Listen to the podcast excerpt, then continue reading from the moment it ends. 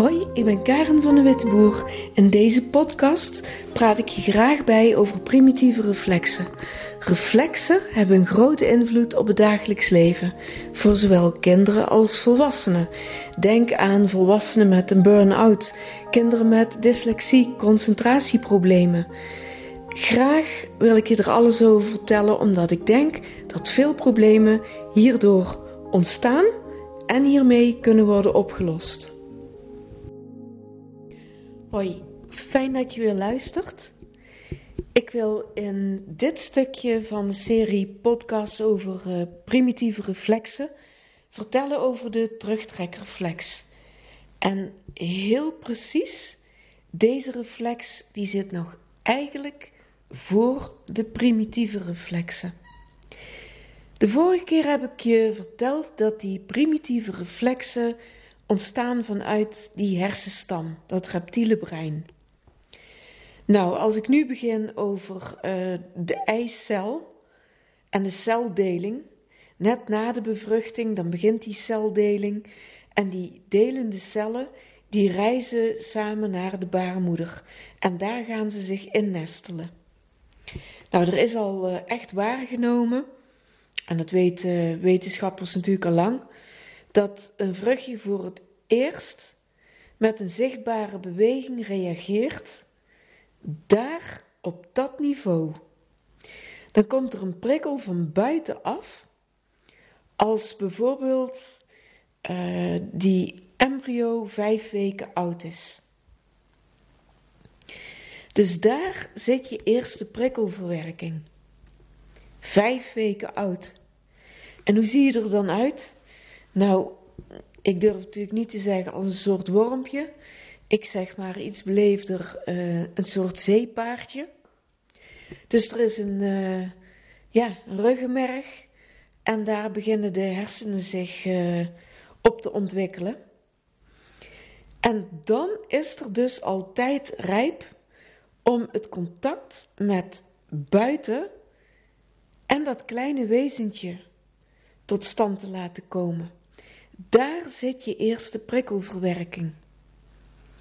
Mocht je last hebben nu in het volwassen leven of met kinderen nog die last hebben van prikkelverwerking, dan mag je eens terugdenken aan deze fase. En ben gerustgesteld, ook hier is nog iets aan te doen.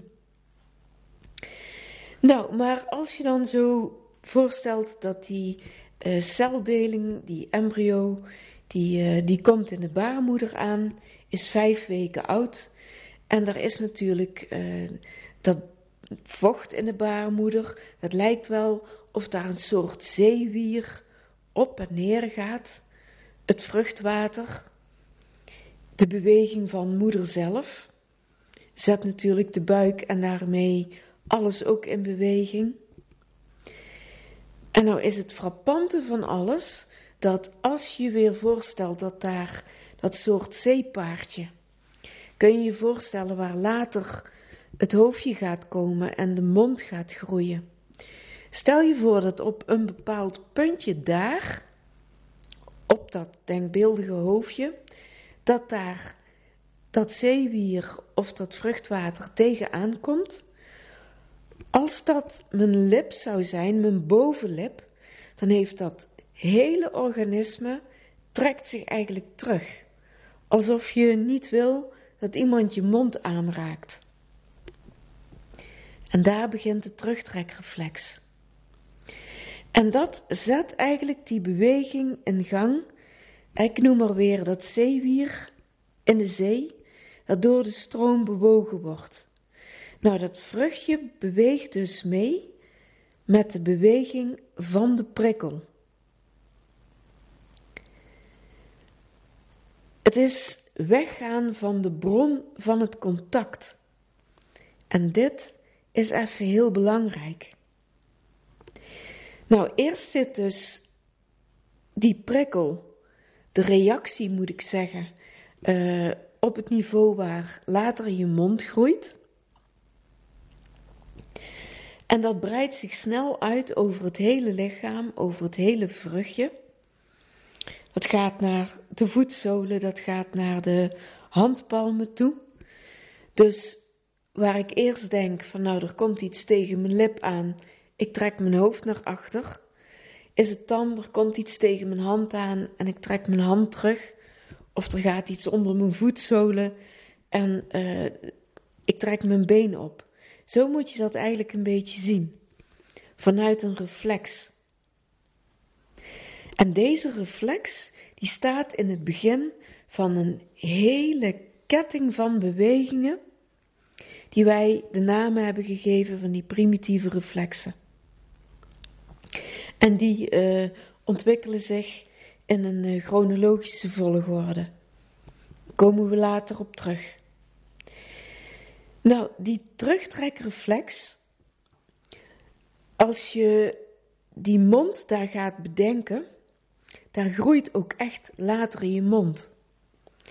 In dat hele systeem, daar komt natuurlijk aan die mond heel die spijsvertering aan vastgekoppeld. En het is geen grote verrassing als ik uh, achter even naar mijn billen wijs, dan, uh, dan zit daar het uiteinde van mijn spijsvertering. Dus mocht iemand problemen hebben met een mondmotoriek, of met zindelijkheid, of met alles wat ertussen zit, dan is de kans heel erg groot dat die terugtrekkerflex ergens als het ware is blijven haperen. Nou, die baarmoeder die blijft maar met die bewegingen bezig, zodat die reflex gestimuleerd wordt om ook in beweging te blijven. En dat is nou juist de ontwikkeling. Want die reflex die heeft natuurlijk een goede bedoeling. Die heeft wat te leren. En heeft hij zijn ding geleerd, dan draagt hij als het ware het leerstokje over aan de volgende reflex. Voor mij is een terugtrekreflex in de praktijk erg belangrijk. En tegelijkertijd een, ja, een beetje lastig wel, omdat ik hem niet echt kan testen. Ik kan hem wel vermoeden. Nou, en wat zou nou een vermoeden kunnen zijn? Een vermoeden voor mij zou kunnen zijn uh, iemand die steeds uit contact gaat, contact verliest, een verbinding verliest met alles om, om hem heen. Niet geaard zijn. Het gevoel dat je er niet echt bij bent of niet echt bij hoort. En het kan meer consequenties opleveren. Bijvoorbeeld uh, steeds dagdromen, echt afwezig zijn, overal te laat voor zijn. Gewoon het gevoel geen contact hebben met uh, de wereld om je heen, niet gecentreerd zijn in je lichaam. En het kan een machteloos gevoel opleveren. Het kan ook zijn dat je door die reflex echt contact aan het vermijden bent, of dat je dat wil omzeilen en het maakt jou juist heel direct, te direct. Niet in staat zijn om je eigen ruimte in te nemen, letterlijk en figuurlijk. Want je beweegt naar voor en naar achter en je weet eigenlijk niet waar jouw midden is. Het gevoel dat je niet gehoord of niet gezien wordt. En dit alles, dat kan natuurlijk ook doorwerken op bijvoorbeeld um, hechtingsproblematiek. Je kunt je niet hechten, je kunt niet aarden. Je onbegrepen voelen. Een herinnering aan iets wat minder leuk is, kan ineens die reflex aanzetten. Of een schrikreactie of een andere prikkel. Denk maar weer aan dat kleine wezentje van vijf weken oud, die al reageert op terugtrekken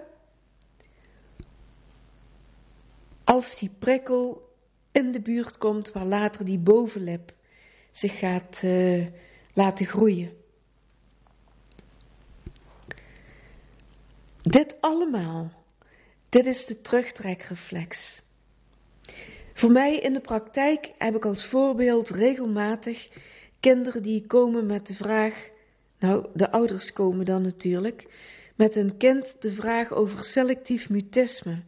En dat is, selectief mutisme is eigenlijk, je stem doet het, de mondmotoriek is eigenlijk in orde en toch lukt het spreken niet.